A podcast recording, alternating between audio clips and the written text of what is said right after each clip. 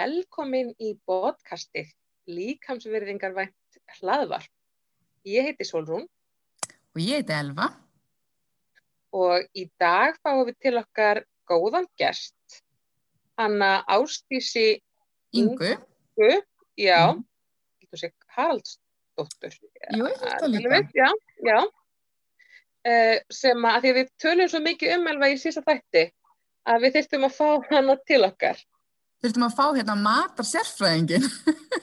Já, til að tala um til að tala um svona hérna matarvenjur, við vorum að tala svo mikið um matarvenjur í desember og, og vorum líka svolítið að spá í nú eru áramótina nálgast og fólk að svona hæla í bæði kjólinn fyrir jólinn og áramótin og áramóta heitt kannski. Kannski einhver meðurunar tengt áramóta heitt Þannig að- okkur langaði svolítið að hérna fá að heyri henni ástísi Einmitt. Jæja, við erum komið með frábæran gest til okkar. Við Solrún vorum að tala um það í síðasta þætti að við þyrftum að fá hérna smá sérfræðing í svona matarpælingum. Þannig við erum komið með hana Ástísi Ingu til okkar. Við ætlum kannski bara byggja þig Ástísum bara aðeins að segja frá þér bara, já, hvað, hver þú ert og hvað þú ert að gera. Já, hæ og takk fyrir að fá mig í þáttinn, mér finnst það mjög gaman. Ég heiti sérst Ástis Inga og er 28 ára, móðir tveggja drengja, býr í Reykjanesbæ. Ég ætla nú kannski ekki að fara eitthvað djúft út í svona boring stuff en ég sem sagt uh, var í landsliðin í Maurun, mörg ár. Ég er eiginlega búin að vera í landsliðin í Maurun síðan að ég var, ég veit ekki, ég held ég að verið 15 ára þegar ég eitti fyrst öllum sömurlauninu mínum í engaþjálfara út af ég varð að verða mjóa þannig ég fór í framhaldsskóla og þetta svona, þú veist, lífið mitt snerist eiginlega bara um þetta að öllu eða einhverju leiti frá því að ég byrjaði að fatta að ég væri ekki með rétta innan gæsalappa vöxtin, skiljið mig, sem er mjög ungt, krakkar í grunnskóla eru bara mjög grimmir. Um, og ég einhvern veginn bara eyði öllu lífinu í þetta þangar til ég er orðin svona hvað, það er ekki langt síðan um, nei, nú er ég að spóla. Sko, ég er með ADHD, bear with me. Ég er að fara aðeins þetta fram með mér. Um, ég ætla að segja, þetta gekk það langt hjá mér að ég þróið með mig búlið mjög og ég einhvern veginn, þegar ég einhvern veginn fatta, þú veist, að því ég held að fólk sem hefur verið með átröskun eða er að díla á átröskun það tengir við það að sko maður, maður er í svo mikill afneitin að maður fattar eiginlega ekki að það sé eitthvað svona mikið að fyrir en að maður einhvern veginn uh, fyrir maður allt innu bara ok, oh my god. Ég er með búlið mjög, þetta er ræðilegt og ég er búin að vera með henni hennan tíma og, og mér fannst ég einhvern veginn rekast á veggi allstaðar hér uh, á Íslandi. Mér fannst ekkert, þú veist ekkert sem einhvern veginn gætt bara tekið mér opnum örmum og hjálpa mér. Þannig að ég leitaði Erlendis og kynntist þá einmitt því sem ég er að gera í dag um, sem er eins og þið voru að segja veist, í rauninni intuitive eating en ekki samt eftir þeim beinlýnis reglum sem eru svona tíu reglur sem ég Mm. get útskýrt betur. Um, en ég er búin að kynast því þarna og ég veit allt sem ég veit í dag þarna. Þetta er fyrir kannski svona, hvað ég má segja tveim, tveimur, þreimur ánum síðan. En ég held samt áfram að gera það sem að ég veit að virkar ekki. Þú veist, ég held áfram að skrá mig í, í nýja og nýja þjálfun og nú er ég ekki að skýta út þjálfara þar til fullt af frábærum þjálfarum að núti en ég Algjörlega. er ekki, ekki að leita þangað þú veist, leitaði mikið erlendis og eitthvað svona og ég viss alveg, skilur síðan kom vika 2 og 3 og ég sprakk á nýjum og nýjum kúr og ég viss alveg, ok, þú veist, ég viss alveg af hverju Ég Mhm. vissi alveg allt það sama og ég vissi í dag, en mér langaði samt bara ennþá svo mikið að vera mjó, skilur við. Mhm. Þannig ég reyndi og reyndi í smá tíma og það er ekki nema ár síðan kannski að ég slefti algjörlega tökunum og ég bara, nei, þetta, ég ætla ekki að vera í megrun þegar ég er 80 ára. Þú veist, það er bara, ég bara meika þetta ekki og uh, þeir sem tala um sko viljastyrk í þessum samingi, ég hef tvísvar sinnum létt með um 30 kíló á mjög stuttum tíma Mm. uh, mér skortir engan viljastyrk sko. þetta hefur ekkert með það að gera en já, sem að leiðina því sem ég er að gera í dag sem að er að hjálpa konum sem að er að finna sig í þessu, þú veist, í þessum vítarhing að byrja nýjum kúr og floppa síðan og geta allan heiminn og, og svo repeat, skiljið, niðurrifi og allt sem fylgir, hjálpa þeim að snúa blæðinu við og öðlast heilbriðt sambandi mat áður en það fer út í svona miklu öfga eins og gerist hjá mér. Að því ég náttúrulega, þú veist, með þannig ekki átröskunar sjúkdóminn en ég er samt með fullt af resources, ég get bent á fullt af fagælum. Mm -hmm. En já, þannig að það er það sem ég er að gera í dag. Frábært, ég bara opust að gaglegt að heyra bara þína sögu en fyrir okkar hlustendur sem að vita ekki bara hvað intuitive eating er og er til eitthvað íslenskt orðið við þetta eða segjum við bara intuitive eating? Er þetta hvað?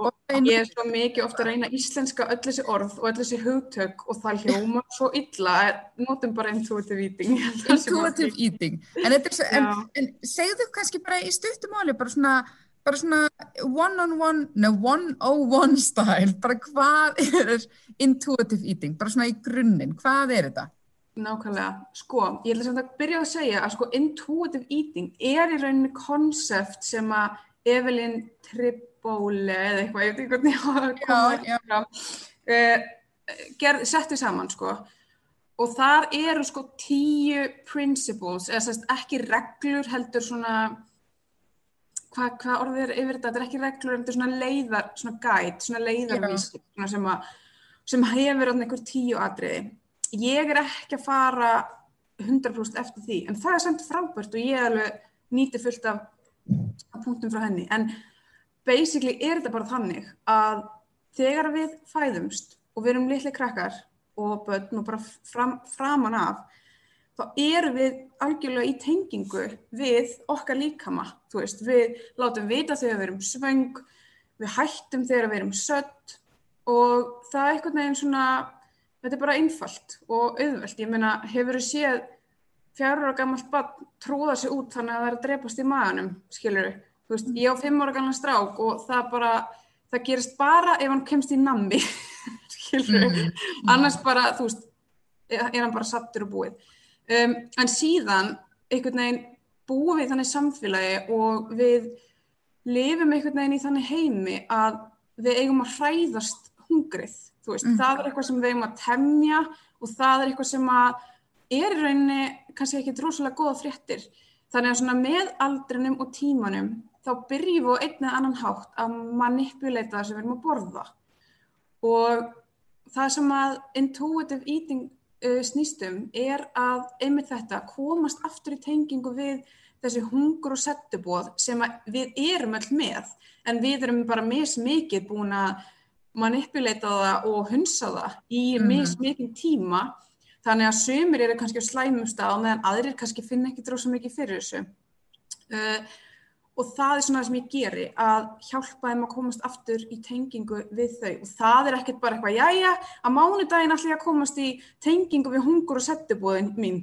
Veist, þetta er alls ekki þannig þetta er, ferð, þetta er ákveðið ferli mm -hmm. og mist langt eftir í hvað átt mist langa sögu dætt sögu sko. Og uh, já, fólk, það er samt, sko, mér fyndi að fólki finnst þetta stundum alveg algjörl út í hætt þar sem ég er að segja. Og ég hef alveg fyndi fyrir því eftir sem Instagram aðgangurum minn stækkar, eftir því sem ég fer, þú veist, í fjölmiðla og eitthvað svona að þá koma líka rattirnar á móti sem eru bara, þú veist, er eitthvað aðeinsari gælu, hvað er hann að segja, þú veist, af því að þetta er svo framandi ennþá hérna á Íslandi. En pælið samt í því að það þykir skrítið að hlusta líkama sinn en hitt er allt normaliserað, skilur, það er bara basic. Þannig að hérna, já, það er það sem að ég er, uh, svona, myndi lýsa intuitive eating á þann hátt, en það er rosalega stórt konsept og ég gæti eiginlega bara að tala um intuitive eating í klukkutíma, sko. Veist, Mér finnst líka svo góða pælingar eins og Instagraminu þínu þar sem þú ert að tala um sko, þú veist að engi matur er bannaður, ekki sér svart mm -hmm svona einhvern veginn í mataræði. Einmitt, góð punktur, já. Sko það er eiginlega einmitt það, sko ég var alltaf, ég held ég verið sigurfíkil og, bara, veist, og matarfíkil og í hérna, í lækna heiminum með vísindunum, lækna vísindunum, þá er ekki þeng, þú veist, matarfíkil er ekki þeng, þegar við kenna það ekki sem uh, eitthvað, skilur, það er bara ekki þannig en um, ég held samt að ég væri allt þetta því ég bara skildi ekki okkur, ég var svona stjórnlös okkur ég var alltaf allt í einu bara komin út í þú veist, krambúð hérna að kaupa mér fullt af namni og svo bara tróði í smettið á mér. Þannig að fyrir mér, þegar ég heyrði fyrst að ég ætti að hætta þess, að sleppa öllum reglum og leiða mér að borða allt þá hugsaði ég bara ekki, ekki að lægi með þig? Eða þú veist, ég á bara eftir að bara leysa mig hérna inni og bara borða allan daginn. En það kemur svona pínu tímabil þar sem maður er með svona ákveð auka hungur maður kemst yfir það og eins og í dag þú veist, ég get átt peiparkökur og smákökur og alls konar hérna heima og ég spá ekki í þessu skilji. En ef við færum þrjú ára aftur tíman þá er ég búið með þetta sko. Bara, ég, bara strax. En já, ummitt Mér finnst ég einmitt sko, ég hef verið að fylgjast vel með þér á, á Instagram og finnst svo ótrúlega margt gaglegt sem að þú ert að, að sína og ég tengi svolítið við þetta að, að, að eiga erfitt með svolítið að leifa mér að eiga einhvern mat bara heima og ég er þannig típa að ég er ekki ennþá komin á þann stað að geta átt nammi heima hjá mér. Ég fæ mér nammi, það er ekkert bannað eða neitt slíkt en ég er ekki ennþá farin að geta bara átt að heima af því ég klára það alltaf. Mm -hmm. Það er bara í maga, þú veist, mér verður íll, bara raunverulega íll. Yeah. Ég borða það mikið af namminu. Mm -hmm. Af því sko, og ég stundi verið að hugsa, veist, hvaðan kemur þessi pæling og veist, í mínu uppeldi var nammi alltaf bannað og það var bara nammi og lögatum og, mm -hmm. og hérna, Og, og þegar ég var hún úlingur og var fann að vera með minn einn pening þá var ég fann að stelast út í sjóppu og kaupa nammi og faldi að séðan undir rúminu sem mamma sæ ekki svo, yep. svo ég er mitt með þér í þessu landsliði ástíks yeah. en síðan byrja ég með uh, hérna, þáverandi manninu mínu og hérna og komst að því að þau voru bara með bara svona skuffu inn í eldursi með nammi. Og það var bara alltaf til nammi. Og hann fór aldrei í þessa skuffu og ég skildi ekki að hann fór ekki í þessa skuffu og ég var alltaf heima hjá honum að stélast í nammi skuffunum hjá fóreldrum hans. Og ég bara skildi ekki casual með þessa nammi skuffu ég var bara, hér er bara skuffa með súkulaði og það er bara alls konar í þessa skuffu og ég bara misti alltaf vitið. Mm -hmm. Já, en svo erum við náttúrulega líka, þú veist, einstaklingar og við erum, þú veist, það er ekki hægt að setja alla undir sama hatt, þannig að ég er ekkert endilega að segja allir að ég bara fara og kaupa fullt af namnu og eiga upp í skáp, þú veist, ég er ekkert, þú veist, það er ekkert endilega kannski fyrir alla, en það er samt ekki lausnin, hefur ekki verið lausnin í þeim tilfellum sem ég hef séð sem eru mörgundruð, að halda þessum mat frá heimilinu. Það er það er svona plástur og sárið, skil ég. Mm -hmm. um, en ég skilði samt ótrúlega vel. Ég meina, ég, sko, það sem að vera svona líka finnst mér að muna er að það er eðlilegt, það er eðlilegt að borða stundum aðeins yfir sig. Þú veist, mm -hmm. það á ekki að vera eitthvað, eitthvað reglulegt þeng, það á að vera frekar sko undantekningin, en það er samt eðlilegt. Þannig að þegar að maður er í þeim aðstæðum að maður kannski er í matabóðu, það er uppáhaldsmaturinn og þú borðar aðeins meira heldur en kannski það var pláss fyrir mm -hmm. að fara ekki í nýður yfir að því að það er það sem triggerar síðan ringin, skilur, ah, að það hættir bara áfram en já, þannig að já, mér finnst þetta bara mér finnst rosalega mér finnst rosalega áhugavert í, í þau skipti sem ég hef einhvern veginn tekið skref tilbaka og mér hefur fundist í allt í hennu verið að byrja í svona ofáti svona aðeins og oft. Mm. þá hefur við svona skoðað byrju hvað er í gangi, af hverju líðum við svona? Og það er alltaf að því það er einhver hugsun innst inni sem segir að ég byrja aftur á morgun Akkurat, mér finnst þið mitt sko, ég tengi alveg við þetta því nú er ég komin álega bara ótrúlega góðan stað svona líkamsveringarlega séð en ég er ennþá stundum, stundum kemur einhver svona púki upp sem segir mér að þetta er nú ekki að vera að borða núna eða þú borða nú að svo mikið hérna áðan og passaði á morgun eða eitthvað. Ég, ég, ég þarf svolítið að hrist, sko ég meðvita um þetta, þú veist þannig næja, mm -hmm. Ég næja að koma með rauk á móti, maður er komin á þann stað, ég get komið með rauk á móti, en þetta er samt enn þarna því maður er bara alin upp í þessu bara megrunar samfélagi sem við búum í, mm -hmm tölum bara um megruna menningu. Þú hefur stundu talað um bara megruna menningu. Já, það er nefnilega, svolítið, sko, mærunar menningin eða diet culture er svo rót gróið í okkar samfélag að við tökum ekki eftir því á svo mörgum stöðum. Þú veist, þetta er bara svo rót gróið og normaliserað að fólki finnst ég öfgafull að adressa það, skilur við, að, að hérna challengea þessar hugmyndir en ekki öfugt. Þannig að diet culture er bara út um allt og það er náttúrulega bara stór ástæða fyrir því þessi yðnaður einn og sér veldir ykkur um sko ég veit ekki hvað tölunar er í dag en ég var að lesa bókina hannar hérna Kristi Harrison, og mm. þá var það sko 70 biljónir á ári. Þannig að það er og græða á því að okkur líði illa með okkur sjálf. Já, nákvæmlega. Það er svo ótrúlega margir sem gera það.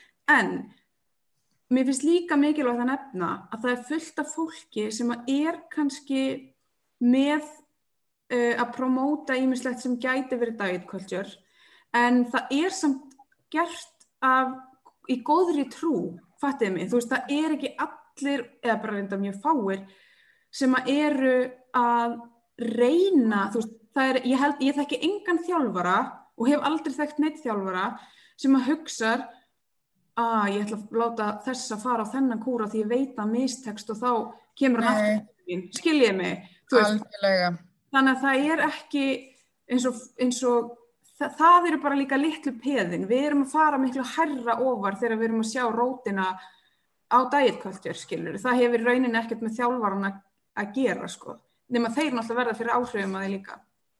Mér líka tekja eftir bara einhvern veginn sko bara almennt, nú er ég ekki að tala um eitthvað þjálfara sérstaklega, en svona almennt sko hvernig bara umræðan um mataræði, hvernig hún fer í einhverju svona bara tískubilgjur. Þú veist, það er ekkert langt síðan að við óttum öll að vera að fasta í einhvern ákveðin tíma og þá var það bara aðal atriðið og, og, og allir eitthvað að tala fyrir því og það átt að vera svo frábært og það var sko alls ekki kúr, skiljið. Þetta var bara Þetta var bara orðið þína svona vennjur, lífsvennjur og heilsu vennjur.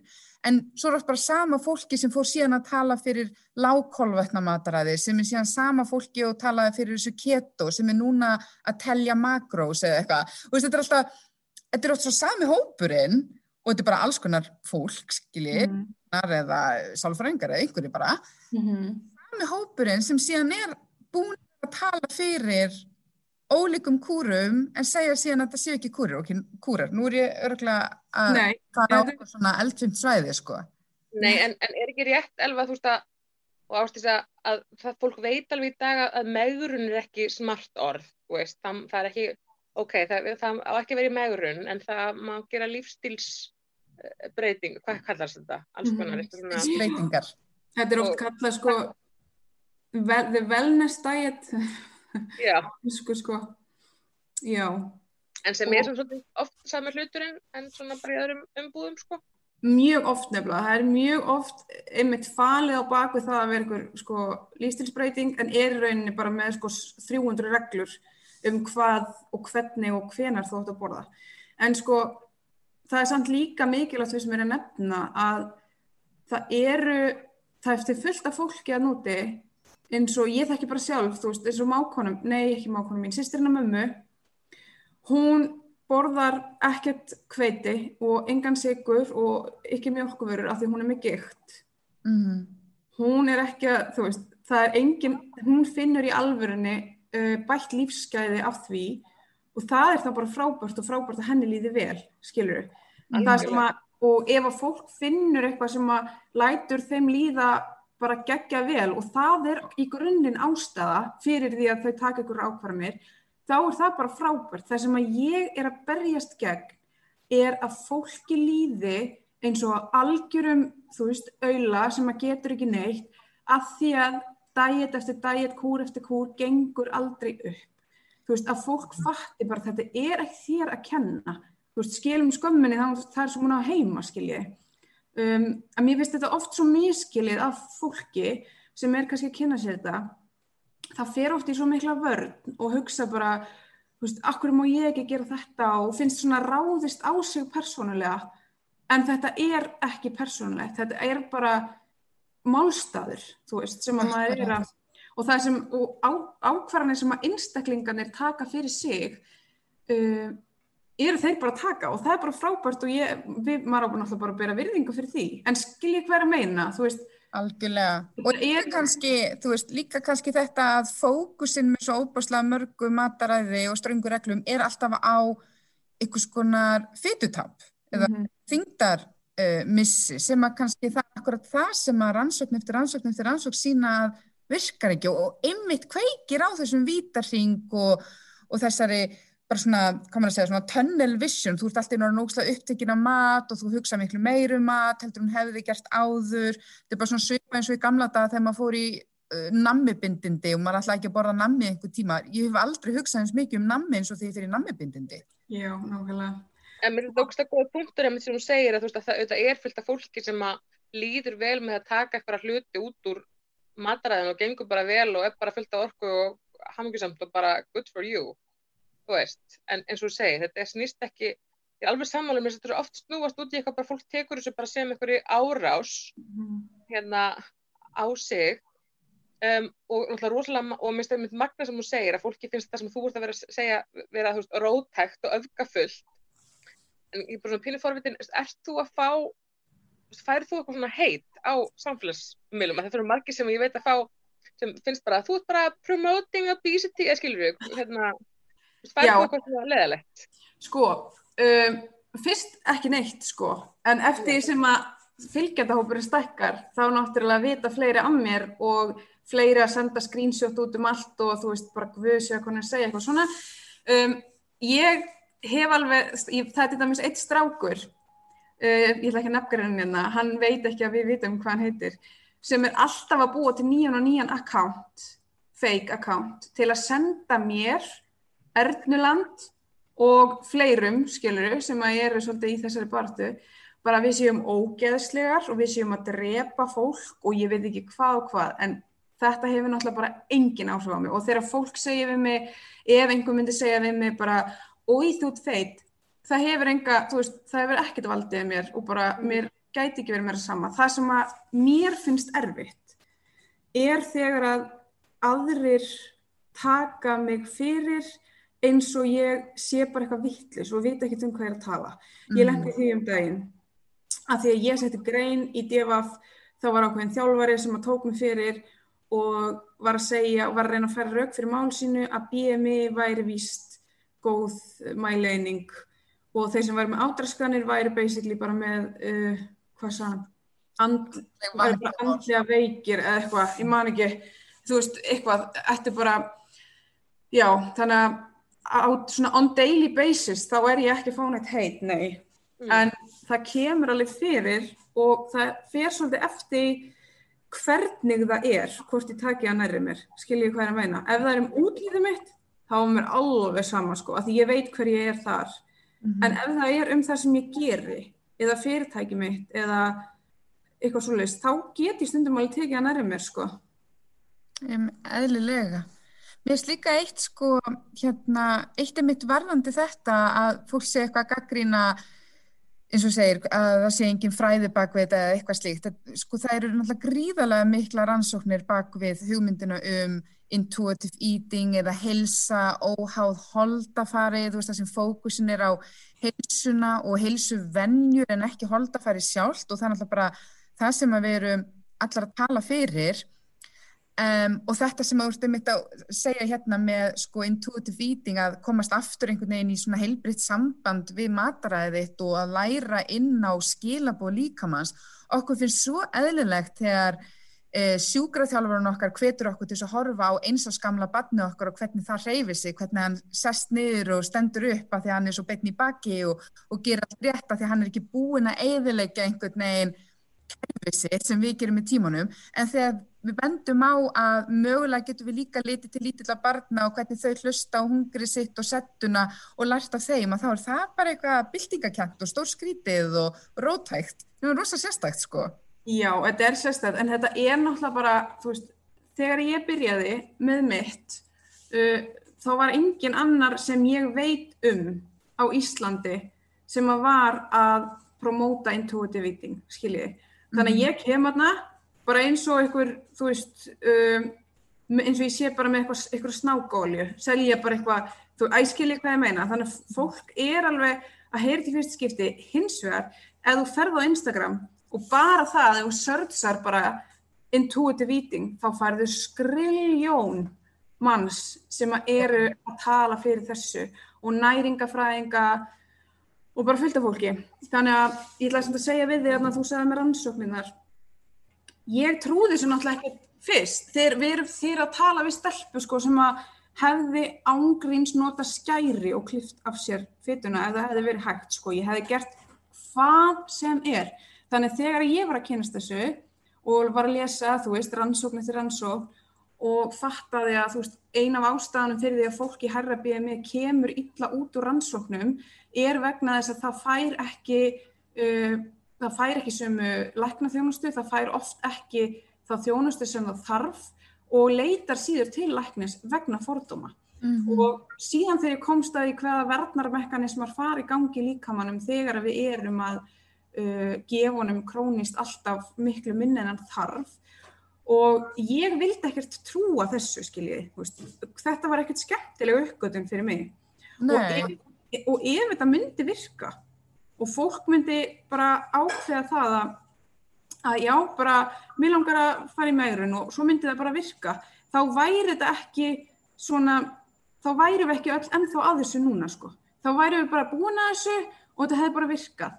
En það er bara svo lítill hópur fólks sem nær halda af sér þingdinu og þegar við skoðið uh, weight loss uh, rannsóknir sem að eru leng, sem að spanna lengri tíma en fjögur ár, veist, mm -hmm. að þið sjáuð að það er kannski einhver pínulítil prósenda sem náða að halda þessu af sér, þú veist, eitthvað 4 til 8% í mestalagi um, en hinnir eru annarkvört búin að bæta á sig eða bæta á sig og rúmlega það. Akkurat. Veist, þannig að hérna, það er bara ekki gott mál sko.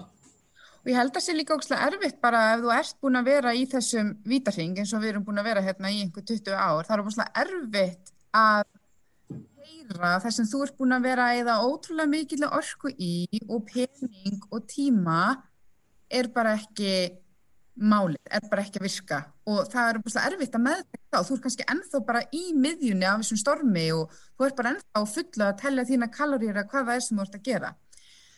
En mér er líka eitt að því að ég las einhver tíman hérna rannsóknir á, sagt, á þeim þessum litlu 5% sem náðu að halda þingdatapun í meirin 5 ár.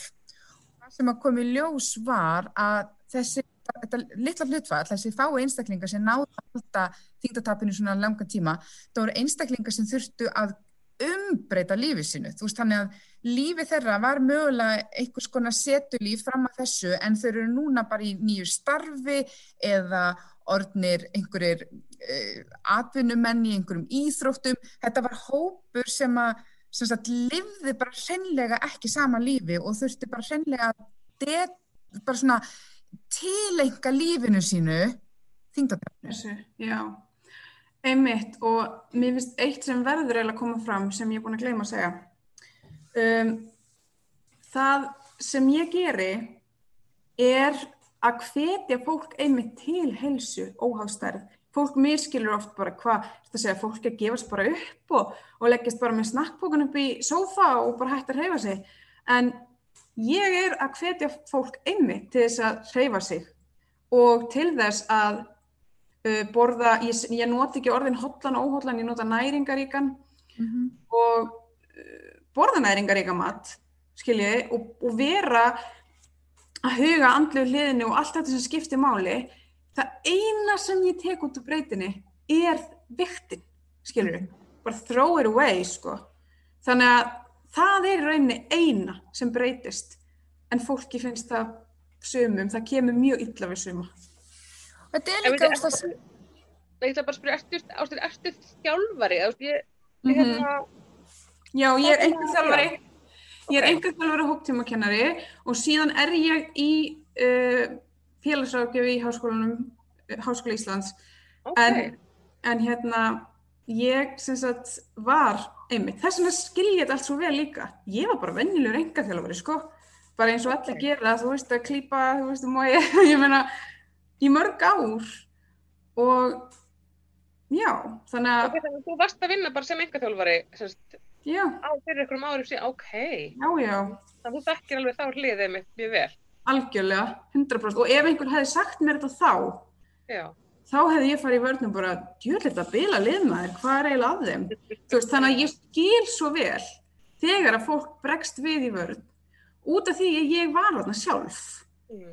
skilur veist, ég var alltaf að setja pósta á eitthvað sem ég var að segja bara að hérna, um, mér finnist body positive algjör snild og að fyrir mér þýtti body positive að, að einmitt grenna mig eitthvað, skiljiði, þú veist, Já. þannig ég var svona að reyna að snúa sér einhvern veginn mér í hlið, eða sérst, um, ég var að, ég kalli þetta að dansa á línunni.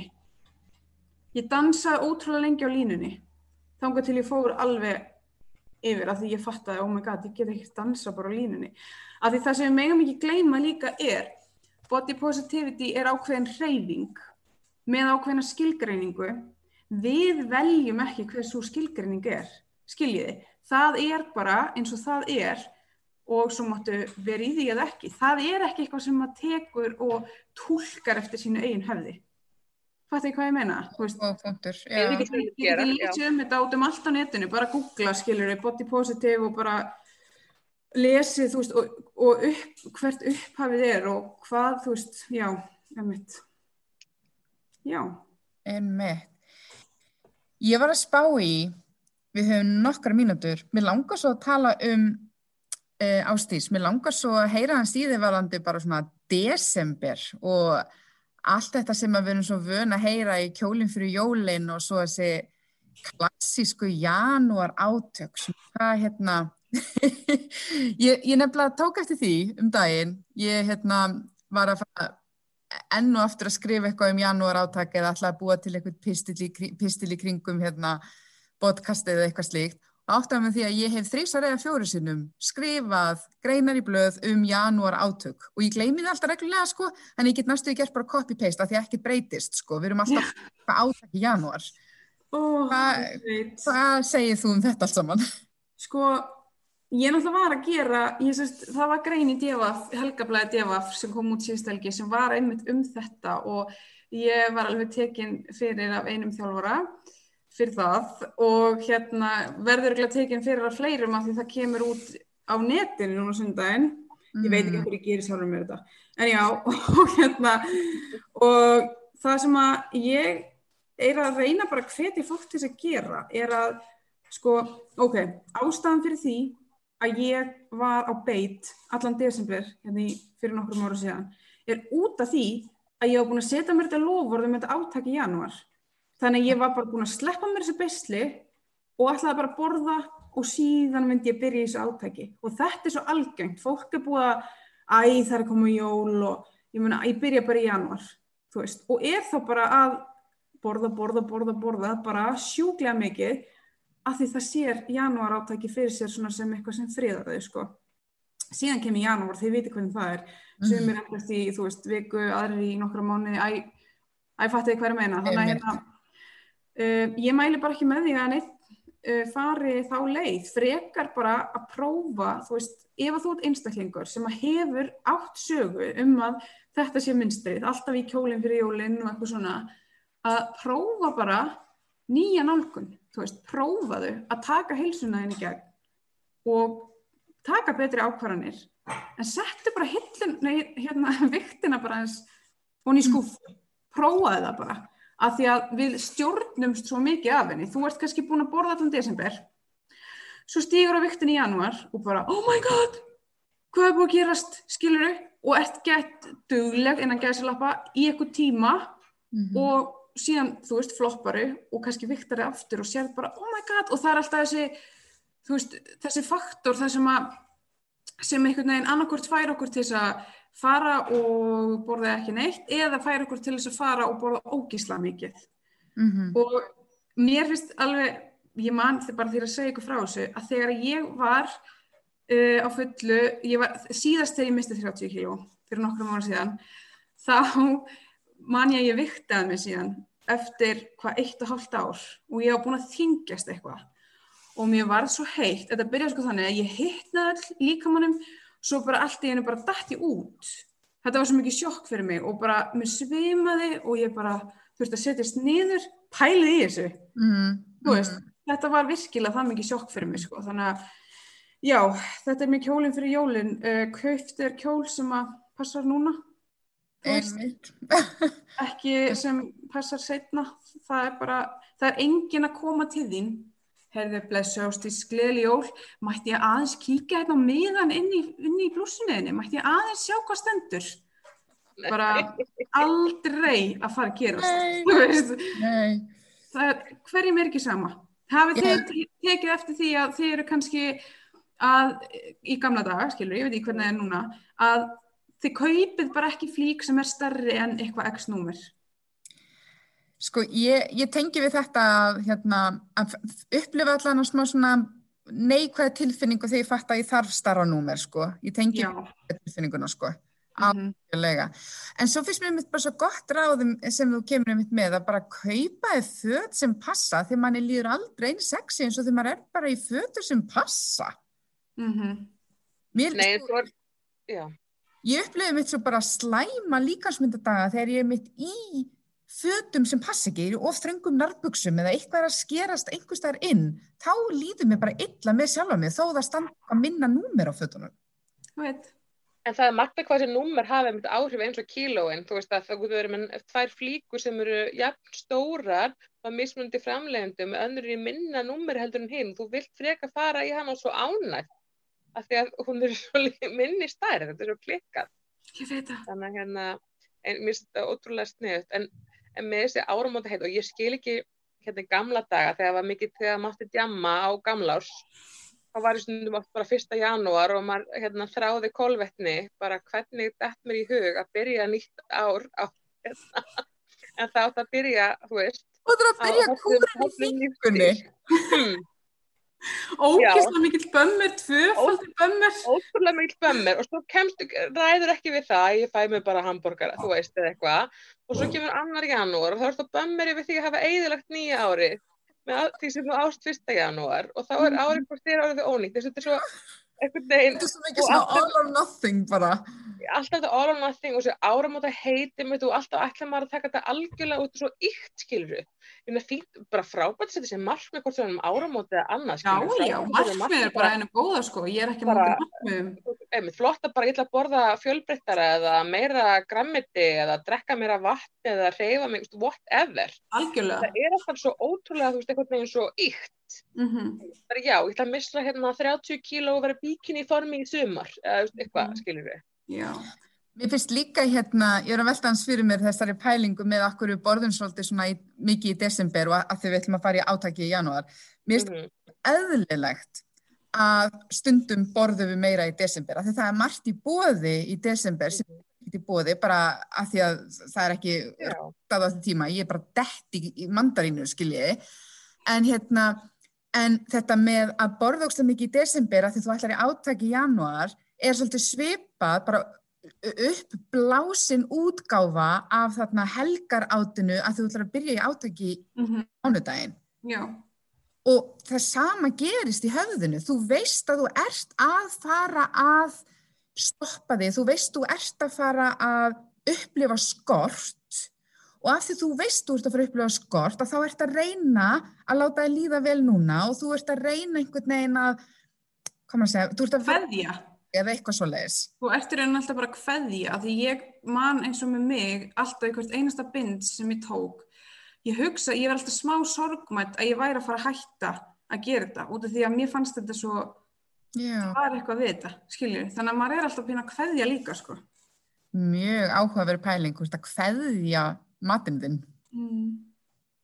Ég hef með spurningu til ástíðsar uh, eh, og spurningin er þannig að ég held að sé ótrúlega margir núna í svo COVID ástandi um, þú veist það er búið að vera fólk hefur ekki getið að komast í sína líkamsrækt og fólk er að tala um þessi COVID kíló og ég held að séu mjög margir með væntingar til, miklar væntingar til ásins 2021 um að þá ætli þið svo að breyta um lífstíl og borða hotbar og reyfa sig meir og vera í öðru formi og annað. Og ég bara skal alveg viðkjöna það, þetta er hugsun sem ég er rúslega erfitt með að íta frá mér, þú veist, að, að bara gefast upp, þú veist, að, að hérna, að, að halda ekki vonina um að kannski verði ég í annari fatastærð, þú veist, sömarið 2021, ég bara, mér finnst þetta svolítið erfitt sjálfri.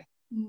Um, hvað, þú veist, hva, hvað á ég að gera, nei, hvað, hvað sko, þetta er samt mjög góð, mjög góð spurning vegna þess að sko, um, ég gleyndi, ég náttúrulega, þú veist, ég aftur að fara yfir svo marga hluti og tíminu hlaupi frá okkur. Við þurfum bara að tala þannig aftur setna. Já. já, en ég ætla samt að svara þessu, sko, hérna, við erum öll með einhvern jafnvægispunkt sem líka með okkar leitast til að vera í, í og það er fyllt af fólki sem er yfir sínum jafnvægispunkt, bara af ofáti og, og hérna bara, þú veist, búið að fara illa með sig og bara ákvæmski mjög óhilpir sambandi mat og eitthvað, það er fyllt af fólki sem er fyrir ofan, þannig að margir þegar þeir uh, svona lækna sambandsitt í mat og byrja að hlusta líkamann og gera jákvæða breytingar, þá, þá léttast margir, ekki allir, ekki allir, alls ekki allir, en sumir. Og það er ekkert að því og það er bara við, ég er ekki móti, þú veist, skiljið, það er ekki eitthvað slangt, það er bara, líka minn er bara ákvæði að gera það.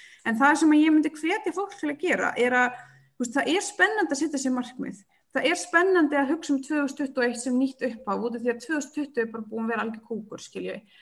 Þannig að, að setja sér markmið um að gera einhverjar breytingar til hins betra, uh, það er allt í góða lægi, en bara halda ekki láta töluna á viktinni stjórna því, skiljur, og ekki, helst mm. bara ekki vikta þig, skiljur mig, en að ég fættur að hverju meina, bara gera alla mm. breytingarna sem þið langar til að gera, náttúrulega bara raunhafan hátt samt, ekki fara eitthvað með einhverjar mjög óraunhafa kröfur og sjálfaði og gera þetta bara allt saman fyrir utan viktina, bara sleppa henni, bara, mm. veist, fættan til þér annars að pæla, og mynd líka kannski annars að pæla þessu, menn bara nota sentimetra líka, sentimetra og nota stærðir kannski bara taka eins og sér, nota kannski frekar einhverja líðan sem mælikvarða. Já, algjörlega.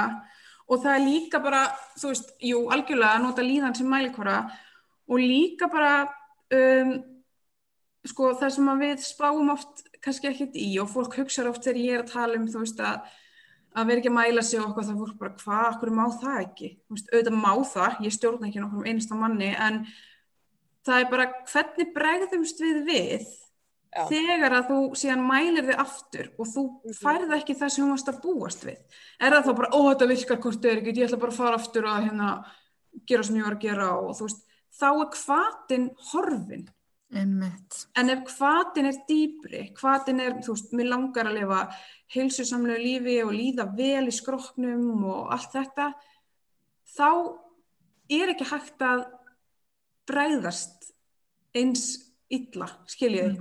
Mm -hmm. Einmitt. Þetta er bara frábært, frábær kannski líka bara loka punktu frá þér ástís. Já. Þeir sem vilja fylgja þér, hvar á fólk að finna þig? Herðu, Instagram health is not a size. Endilega bara koma og vera með. Æðisleg. Við, mæl, við mælum með þér, sko. Ég mæl líka með ykkur. takk fyrir og takk fyrir að fá mig í þáttin. Vá, þetta var bara ótrúlega frábært spjall. Bara geggja að fá ástísi til okkar í, hérna, í þáttin. Ég var líka alveg til að fá hana aftur, ég, segi, ég, veit, ég veit ég segi þetta um alla gestina Þú verður bara með svona eins og í Bachelor svona reunion svona Já. and tell all þáttir, þar sem við fáum bara alla aftur. Já, ég verður til í það. En þetta var svona, já þátturinn okkar svona mjóla um áramót, svo erum við nú með ymsar pælingar um, um hérna þætti á, á nýju ári, við getum líka sagt frá því að við erum átt að fastir pennar í podcasti, við erum fastur penni í í DFF, þannig að við ætlum að byrta svona greinar aðeins í tengslum við þættina, það er um komin greinum síðasta um síðasta þátt. Einmitt. Um, en já, þetta var bara mjög skemmtilegt. Uh, ég held að við segjum bara takk fyrir í dag og þanga til næst. Takk sem er leiðis Nei, takk, bless